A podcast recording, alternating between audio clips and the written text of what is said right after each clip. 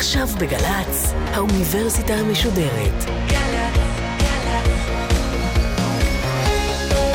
מה שקורה עכשיו.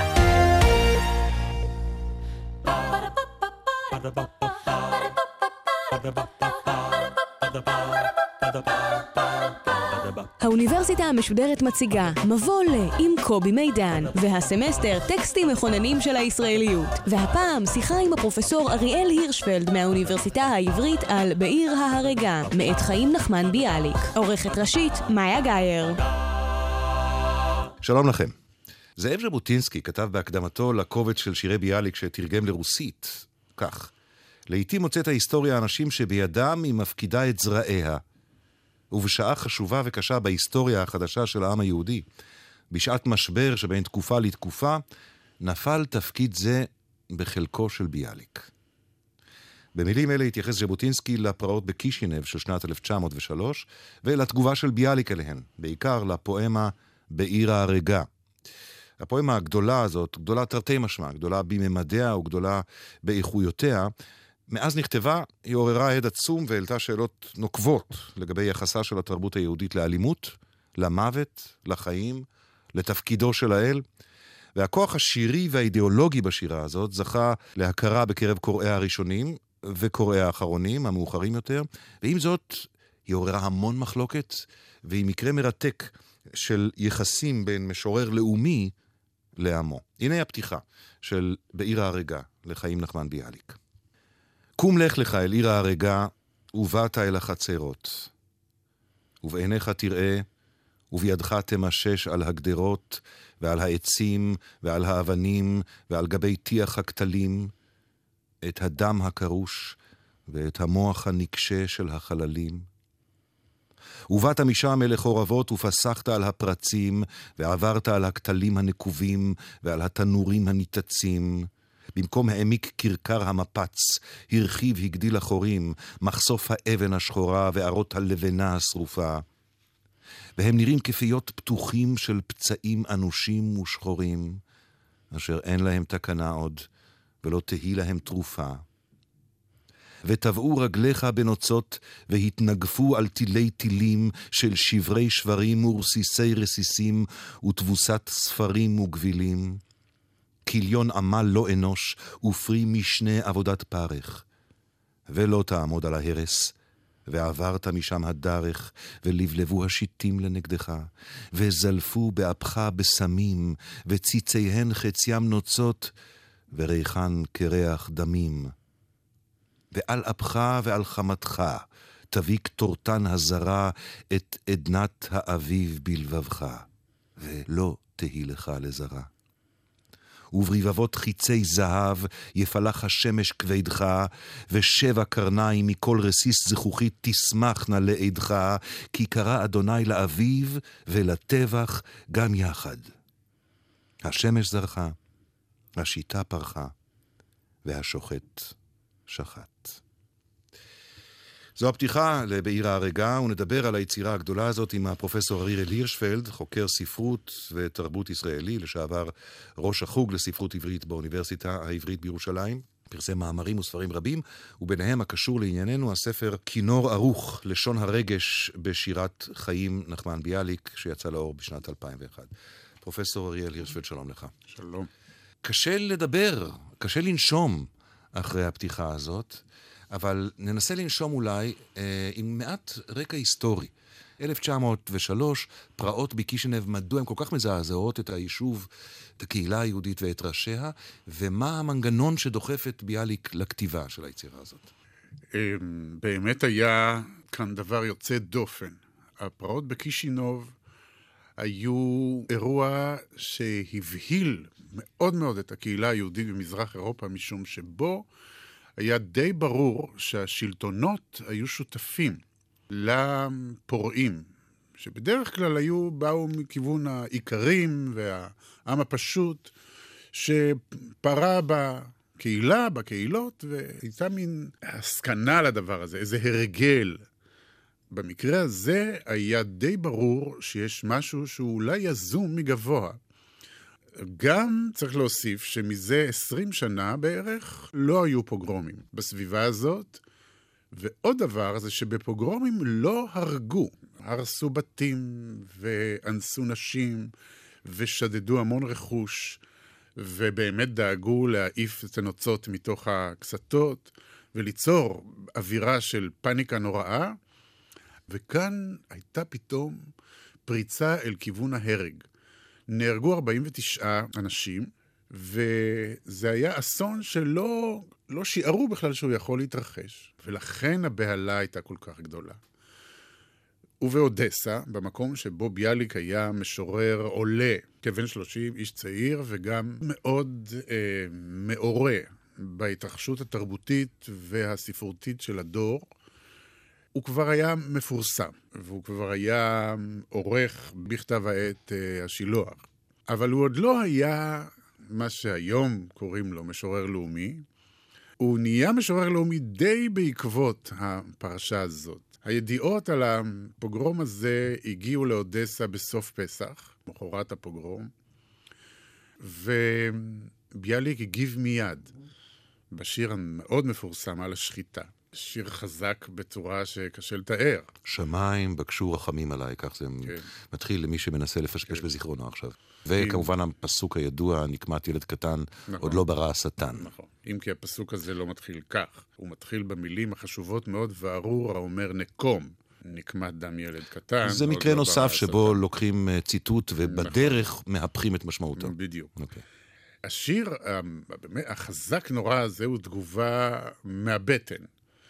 אם כי יש בצד הגותי חזק מאוד, משום שהיא מצטטת חלק מהתפילה אב הרחמים, שנכתבה על הפרעות בימי הביניים. והדבר שבעצם זה מצטט, זה את נקום דם עבדיך השפוך בחיינו לעינינו. והציטטה הזאת מופיעה בלי הנקום דם עבדיך, אבל בחיינו לעינינו, משום שכתוב שם, כי אם אחרי שעמדים מתחת רקיע הצדק יופיע, ימוגר נא אה, כסאו צדק עכשיו, נקמה וצדק אלוהי. כן. עכשיו, לעינינו ובחיינו. בדיוק. העניין הוא לא בדיוק, בדיוק לא נקמה, אבל כן צדק. הצדק מובן כאן באיזה ממד אלוהי, והוא לא מפורש. ושוב, על השחיטה, אה, השיר הקצר והנוקב הזה הוא התגובה המיידית של ביאליק. כן. מה מביא אותו לנסוע לקישינב ולכתוב? כן. התאספה ועדה שקראה לעצמה ועדה היסטורית, שישבו בה בן עמי ואחד העם ודובנוב, שמעון דובנוב, ההיסטוריון הגדול, ולכן גם אולי היא קראה לעצמה הוועדה ההיסטורית. והיא שמה לעצמה מטרה להפוך את הפוגרום הזה לאירוע בעל משמעות פוליטית, ולפרסם אותו בעולם קודם כל כדי שידעו, אבל גם כדי לעורר את העולם שיזעק כנגד המדיניות הרוסית. בנוסף לכך, רצו גם ליצור איזושהי תגובה פנים-יהודית, לאומית, חדשה. המטרה שלהם, והם כתבו אותה, הם כתבו מין אני מאמין, על כך שברור שאירוע כזה אסור לו שיחזור. ושהדבר הזה מותנה גם בתפיסה העצמית של היהודים את עצמם. וביאליק נשלח על ידם להיות עיתונאי, לכתוב רפורטאז'ה על הדבר הזה, ובלוויית צלם ומזכיר. והם יצאו כמה שבועות אחרי הפוגרום לקישינו ושהו בה שלושה חודשים. אספו עדויות בכמויות אדירות, חלקן נמצאות בשלמות בבית ביאליק עד היום. העדויות האלה מופיעות עם שמם של המוסרים, כלומר של העדים, ויש בהם ידע מצמרר. כל החומר בפואמה שהוא כתב, בסופו של דבר לקוח מתוך העדויות האלה. ביאליק היה שם הרבה זמן, ואיבד את המחשבה של מה עושים עם זה, עם כל החומר הזה. בסופו של דבר הוא לא כתב רפורטאז'ה. הוא חיכה לקיץ, וביולי-אוגוסט אותה שנה הוא כתב את הפואמה הזאת וסיים אותה פחות או יותר בתחילת ספטמבר. והשאלה ששואלים רבים מפרשניו היא למה הוא לא כתב רפורטאז'ה אלא את השירה הגדולה את הזאת. השירה הגדולה הזאת, והתשובה לזה, בסופו של עניין, לא ידועה. אולי, אני מעלה סברת קרס כזאת, כן. אולי מכיוון שהוא היה קודם כל משורר, ואחר כך עיתונאי, היסטוריון, חוקר, ואפילו איש פוליטי. קודם כל משורר. ברור. עכשיו, לפני שנצלול אל תוך היצירה פנימה, כן. הייתה גם סוגיית צנזורה. ולכן גם פורסמה יצירה בשם אחר תחילה. היא נקראה מסע נמירוב, ועל ידי זה היא הוסתה 400 שנה אחורנית. כאילו שיר היסטורי. כן, לצנזורה היו כמה טענות. אחת, הפחד מפני הנטורליזם או הקונקרטיות הזאת. דבר שני, זה שיש כאן כמה משפטים על אלוהים, שהם כל כך חמורים, שהם הפחידו גם את הנוצרים. והצנזור, שהיה נוצרי, אילץ את ביאליק למחוק שני משפטים מן הפואמה, וביאליק מחק אותם במהדורה הראשונה. מרתק. אה, לנושא האלוהים, היחס לאלוהים, שנדמה לי שאתה מעמיד אותו די במרכז העשייה השירית או האמירה ההגותית של ביאליק, תכף. אני רוצה ללכת לפני כן ליחס שלו אל הקורבנות. כן. ואקרא לצורך זה אה, קטע נוסף אה, מתוך הבית השלישי שם. אה, צריך לומר, הדובר, כך מתברר במהלך השיר, לאט לאט מתברר שהדובר הוא אלוהים. אלוהים שמדבר אל המשורר, הוא מוליך אותו כמעין מדריך טיולים או מדריך היסטורי כן. באתרים השונים. ואז הוא אומר לו כך: וירדת משם ובאת אל תוך המרתפים האפלים. מקום נטמעו בנות עמך הכשרות בין הכלים, אישה אישה אחת תחת שבעה שבעה ערלים. הבת לעיני אמה והאם לעיני בתה, לפני שחיטה ובשעת שחיטה ולאחר שחיטה. ובידך תמשש את הכסת המטונפת ואת הקר המאודם, מרבץ חזירי יער ומרבעת סוסי אדם, עם קרדום מטפטף דם רותח בידם. וראה גם ראה, באפלת אותה זווית, תחת מדוחת מצה זו ומאחורי אותה חבית, שכבו בעלים, חתנים, אחים, הציצו מן החורים, בפרפר גוויות קדושות תחת בשר חמורים, נחנקות בטומאתן ומעלעות דם צווארן, וכחלק איש פת בגו חילק מתועב גוי בשרן, שכבו בבושתן ויראו, ולא נעו ולא זעו, ואת עיניהם לא ניכרו, ומדעתם לא יצאו. ואולי גם איש לנפשו אז יתפלל בלבבו, ריבונו של עולם עשה נס, ואליי הרעה לא תבוא. ואלה אשר חיו מטומאתן, והקיצו מדמן, והנה שוקצו כל חייהן, ונטמע אור עולמן, שיקוצי עולם, טומאת גוף ונפש, מבחוץ ומבפנים. והגיחו בעליהן מכורם, ורצו בית אלוהים, וברכו על הניסים שם אל ישעם ומשגבם, והכהנים שבהם יצאו וישאלו את רבם, רבי, אשתי מהי, מותרת או אסורה? והכל ישוב למנהגו, והכל יחזור לשורה. זה מזעזע. הוא מפנה, מה זה אצבע מאשימה? עשר אצבעות מאשימות כלפי הגברים היהודיים. נכון מאוד. אה, והוא עשה את זה בכוונה ומתוך רצון מאוד מאוד מודע. ואת זה קל להסביר. מה שהוא מתאר כאן גם הוא מבוסס על שתי עדויות של שתי נשים מאוד מאוד מרשימות שדיברו איתו ותיארו את כל הפרטים האלה. אלא שהנשים האלה דיברו על זה כאילו הם כבר ציפו לזה. כלומר, אתה ראית שיש בעולם היהודי המסורתי מין מצב טרגי נורא בעולמן של הנשים, שבו הן גם מבינות את הפוגרום, והן גם מבינות את תפקידן בו. ואת הטון הזה, שבהן הן מתנות את הזוועה הזאת, הוא רצה לסלק מן הסיפור. והוא רצה ליצור מצב חדש, שבו הקורא יביט על מצבן של הנשים, בלי קבלת הדין הזאת, כדי שאנחנו נבין כקוראים, גם כיהודים היום וגם אז, שמי שנשא על גבו את שיא הזוועה היו הנשים ולא הגברים. שיש לנשים תפקיד אדיר בסבל, והנשים הרי לא נזכרות לא בקינות ולא בתיאורי הפוגרומים המסורתיים, כדי להקצין וגם לזעוק על הדבר הזה. הוא יצר את הסצנה הזאת. קודם כל, הוא לא המציא דבר. ובוודאי היא כן המציא את המשפט שהוא נותן לגברים האלה לומר בינם לבין עצמם, של אה, אולי אנחנו שמחים בעצם, שלנו זה אולי הרעה לא תגיד. הגוי שם עם אשתי, אז הוא אליי לא יבוא. כן, בדיוק. משהו מאוד אנוכי, מאוד מאוד צר אופקים, ובעצם חסר אהבה. וכאן גם לגמרי ברור כמה מעניין הקול שהוא נותן לאלוהים. הרי אלוהים אומר את כל זה ומתאר את כל זה, ומבהיר לעמו שלא כך הוא רואה את המידה המוסרית של האדם. ולכן השיר הזה הוא כל כך מעמיק וכל כך מזעזע. כלומר, ביאליק נותן כאן לעצמו חירות לדבר בשם האל, אבל הוא גם נותן לעצמו את היכולת להבין שאנחנו מבינים מה זה אלוהים. כלומר, הוא עושה כאן איזשהו מעשה מסובך וגם חזק ומאוד מאוד מובן, שבו האדם פתאום מוכרח להיות אדון לגורלו גם כיהודי. לגמרי ברור שכאן הוא עושה את זה וגם מוקיע חלק מההתנהגות היהודית, משום שהיה חשוב לו מאוד לומר שצלמו של האל גזור מצלמם של האנשים. בואו נדבר באמת אה, על צלמו של האל, כן. כפי שהוא נגזר מצלמם של האנשים ביצירה הזאת. נקרא ציטוט אחד מכמה אפשריים, אבל אולי בוטה שבהם. סלחו לי, אומר אלוהים, סלחו לי עלובי עולם. אלוהיכם אני כמותכם. אני הוא בחייכם, וקל וחומר במותכם. כי תבואו מחר על שכרכם, ודפקתם על דלתי, אבטחה לכם, בואו ראו. ירדתי מנכסיי. אלוהים הוא חסר אונים. אלוהים הוא קבצן יהודי. נכון. נשמע לי כאן הדהוד וגם היפוך של תפילה יהודית אה, ערב יום כיפורים, נכון?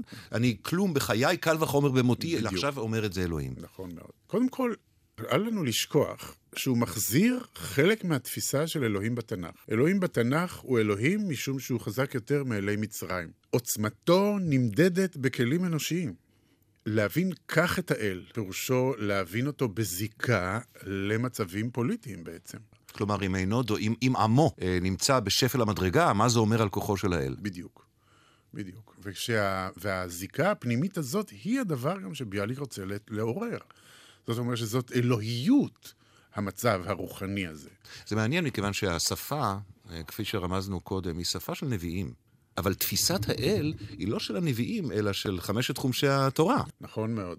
תראה, קודם כל, כשקראת את זה, זה גם בלט לי שוב בפעם האלף, שהעוצמה של הטקסט הזה היא באמת תנכית. כלומר, הוא הצליח לא רק לצטט המון דברים מתפילות ומן התנ"ך, אלא ליצור איזשהו וולטאז', כן, איזשהו מתח חשמלי, סגנוני, ספרותי, שנותן לקורא, במיוחד העברי, הרגשה שהוא קורא דברים שנאמרים על ידי כוחות שהם על-אנושיים. עכשיו, זאת באמת גדולה שירית.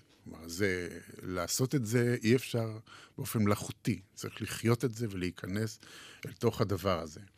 עכשיו, יש טענה גדולה של כמה מבקרים, וזו טענה נורא מעניינת, שאיך אפשר לעשות את האל כל כך מסכן? הרי האדם היהודי זקוק לאל הזה כעל אב גדול, שהוא יישען עליו ויקבל ממנו תנחומים, ולא ישאירו אותו עירום ועריה גם מן האלוהים שלו. כלומר, איך אפשר להתייחס אל האל בצורה כל כך מבזה? אני חושב שזאת קריאה חלקית מאוד של הטקסט הזה, משום שמה שעולה כאן זה שהאל הזה הוא לא לגמרי מובן בדיוק, עד הסוף. כלומר, הוא לא באמת אנושי עד הסוף. קודם כל, הוא נורא, נורא, נורא חכם. הוא נורא אינטליגנטי באופן שבו הוא מדבר. זה הוא אומר את כל הדברים האלה. כאילו הוא ממש מבין מה קורה לאנשים. האל כמבין באמת את עומק הגורל והזוועה שחיים בו אנשים ומראה אותם באופן אנושי כל כך. האל הזה גם פתאום כן מוכיח כוח חדש לגמרי. זה לא רק האל הישן שנישלו אותו מן המעמד הרגיל, אלא נותנים לו עכשיו איזו הבנה על-אנושית של גורל האדם. לפי דעתי זה גם חזק מאוד. ואולי זה מאיר, שוב, אם נרחיק את המבט לרגע, את מקומו של ביאליק.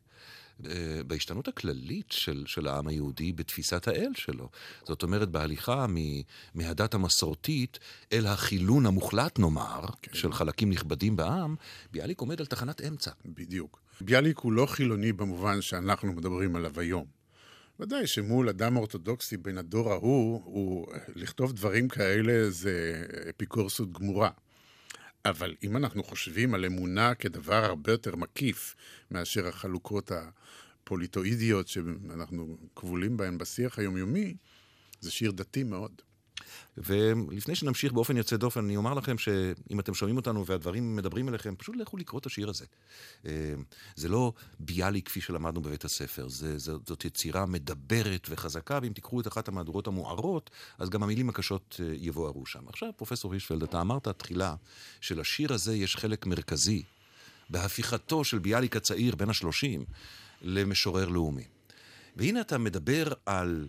תפיסת אל מאוד מאוד חדשנית, או מאוד מאוד שונה מן הקונסנזוס היהודי האמוני המקובל. נכון. ואנחנו מדברים כאן על עוד דבר, שדיברנו עליו, אבל נחזור אליו עכשיו. מגיע משורר, דקה אחרי טראומה לאומית, ומפנה אצבע מאשימה אל הקורבן. ואני רוצה לשאול אותך, כיצד התקבלה העשייה הזאת, כיצד התקבלה ההאשמה הזאת בקרב בני הדור, אלה שקיבלו את, ה, את הקונטרס הזה ופתחו אותו בידיים רועדות? קודם כל, הם שמו לב לזה. וזה באמת קטע מבהיל. צריך לומר שגם היום, כשאתה קורא את זה כיהודי, וגם כאדם לא יהודי שמבין באיזה רגע הוא אומר את הדברים האלה, זה מבהיל.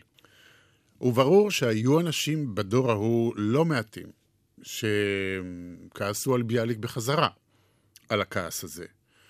המפורסם שבהם הוא מנדלה, מוכר ספרים, אבל את הדברים של מנדלה אה, יודעים רק מתי מעט, משום שהוא אמר אותם בחדרי חדרים, הוא לא פרסם אותם. מה הוא אמר? הוא אמר שאתה צועק על אדם שדמו שפוך.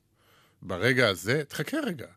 כלומר, יש איזה, איזה, איזו תפיסה רגשית, רגשנית אולי, שטוענת שאת הזעם תחכה איתו עד שנחלים מן המכה עצמה. זה מה שמקובל בשיח הציבורי לומר, הגופה עוד לפנינו, נכון. המתים עוד מונחים בדיוק. לפנינו.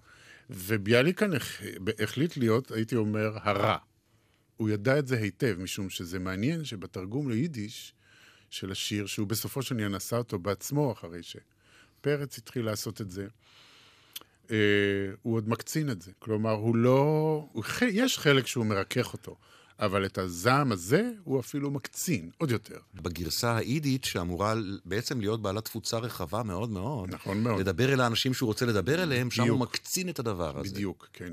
הוא יוצר מצב שבו אני חושב שהוא מבין שזהו רגע מכריע, ושזו יש שאלה מוסרית הרבה יותר גדולה מאשר אם הוא נחמד או טוב לב. והשאלה היא, האם הוא יצליח לשנות משהו בגורל העם או לא. וזה מרתק שבסופו של דבר, למרות העלבון, למרות האלימות, אתה, אתה מתאר את זה כשיר אלים בספרך. בפירוש, כן. אה, השיר הזה הפך באמת לחלק משמעותי מאוד מהקנון של ביאליק ומהקנון של הספרות העברית והשירה העברית החדשה. תרשה לי כן, להוסיף בטח, משהו בטח. בעניין הזה. כן. ביאליק, כדי להקצין את הזעם הזה, גם מוסיף שקר לשיר. והוא שהוא מעלים את העובדה שבקישינוב היו גם התנגדויות מאורגנות, אמנם חלשות, אבל היו התנגדויות. אנשי והיו, קישינב בעצמם? היו כמה מהם. שוב, חלק גדול מאנשי קישינב כן קיבלו בהערצה את השיר. אבל היו כמה שלא יכלו להתאושש מן הזעם הזה ומהעלבון על כך שהוא גם לא, לא סיפר אמת על עמידתם מול הדבר הזה. זה קצת הזכיר לי, כשקראתי את השיר ואת דבריך על, ה, על הוויכוח ההיסטורי הזה, mm-hmm. זה קצת הזכיר לי את הוויכוח שהתגלה כאן ב, בישראל כבר, בשנות ה-60, אה, סביב משפט קסטנר. כן. על הדרך הנכונה להתמודד עם הרעה הנאצית בגטאות. ואתה מצטט גם את, בספרך, את, אני חושב שמי שאתה מחשיב למורה שלך, את דן מירון. נכון. שבעצם טבע, בתף, טבע לסלק את השיר הזה מתוכנית הלימודים. כל נכון. כך הרבה שנים אחר כך העלבון הזה, או האי המוסריות הזאת, עדיין כל כך לטעמו טבועה בשיר הזה, הפעם טבועה בטית. אני רוצה לשאול אותך מה המקום של השיר הזה היום, אחרי השואה, אחרי העיסוק ביכולת לתת מילים לזוועת השואה. מה מקומו של השיר הזה היום בפרספקטיבה היסטורית, בחשיבה הישראלית, בתרבות הישראלית העברית? אני חושב שהמקום שלו נהיה רק עוד יותר חשוב. ובדבר הזה אני חושב שדן מירון טעה. והוא אה, הדגיש באופן, אה, לפי דעתי, לא מוצדק, אה, אספקט שנראה לו שביאליק בז ליהדות המסורתית, הגלותית לכאורה. דבר לא שהוא לדעתי לא נכון, גם לא בשיר הזה. אה, כי הכעס והזעם הזה קרוצים מכבוד אדיר. דווקא מתוך כבוד אפשר לכעוס כעס של שייכות כזאת, ולא רק לפתור את זה באופן סנטימנטלי. המטרות של ביאליק בשיר הזה היו מוסריות ברמה קיצונית. כלומר, הוא רצה באמת ליצור איזושהי תפנית היסטורית. אבל, לשאלתך המאוד מאוד רלוונטית, תראה, קודם כל, השיר הזה נתפס היום לגבי רוב הקוראים כאילו הוא השיר החזק ביותר על השואה. למרות שהשואה הייתה דור וחצי אחרי זה. האופן שבו הוא מטפל בעניין הוא נבואי מהבחינה הזאת שהוא קולט שתהיה לנו בעיה לקלוט את עצם האסון. כלומר, השיר הזה איננו עוסק רק בתיאור, אלא באי יכולת התיאור. והרי הדבר שקראת מיד בפתיחה, אתה תעמוד על הדבר הזה ולא תבין. ונוסף לכך, אתה תעמוד במקום הזה ותריח עדיין את עצי השיטה הפורחים. ועל כורחך אתה תהנה מריח האביב. בדיוק, ואתה, והוא פתאום יוצר דבר שמתי מעט הצליחו. פרימו לוי עוסק בזה. איך התפיסה שלנו עשויה מהמון המון ערוצים, חלקם גם רוצים לא לתת לך לקלוט את מה שאתה רואה, וגם להעיר בך כל מיני דברים זרים, ושאתה בעצם תברח מן הדבר הזה, ולא תרצה להבין אותו. לא רק לא תוכל להבין אותו, ואת האמפתיה הזאת לקורא, גם לבינוניות שלו, וגם לבינוניות של התהליך של הקליטה, הוא יוצר בשיר הזה. זה גאוני במידה שקשה לתאר אותה. אז קודם כל, בואו נכבד את עצמנו ואת אינטל... אינטליגנצייתנו, בכך שאנחנו יכולים להתמודד עם השיר הזה ולראות גם את מה שלא מוצא חן בעינינו, ומצד שני לקבל ממנו כל כך הרבה תובנות. כך הוא מסתיים השיר הזה. ואתה מה לך פה, בן אדם? קום ברכה מדברה. ונשאת עמך שמה את כוס היגונים, וקראת שם את נפשך לעשרה קרעים, ואת לבבך תיתן מאכל לחרון אין אונים, ודמעתך הגדולה הורד שם על קודקוד הסלעים, ושאגתך המרה שלח, ותאבד בסערה. בעיר ההריגה, חיים נחמן ביאליק, פרופסור אריאל הירשפלד, תודה רבה לך על השיחה הזאת. תודה רבה לך. ba ba ba ba ba ba ba ba האוניברסיטה המשודרת, מבוא ל... קובי מידן שוחח עם הפרופסור אריאל הירשפלד מהאוניברסיטה העברית על בעיר ההרגה, מאת חיים נחמן ביאליק. עורכת ומפיקה, מיקה נחטיילר. מפיקה ראשית, אביגיל קוש. מנהלת תוכן, מאיה להט קרמן. עורך דיגיטלי, נדב הלפרין. האוניברסיטה המשודרת, בכל זמן שתרצו, באתר וביישומון של גל"צ, וגם בדף הפייסבוק של האוניברסיטה המשודרת.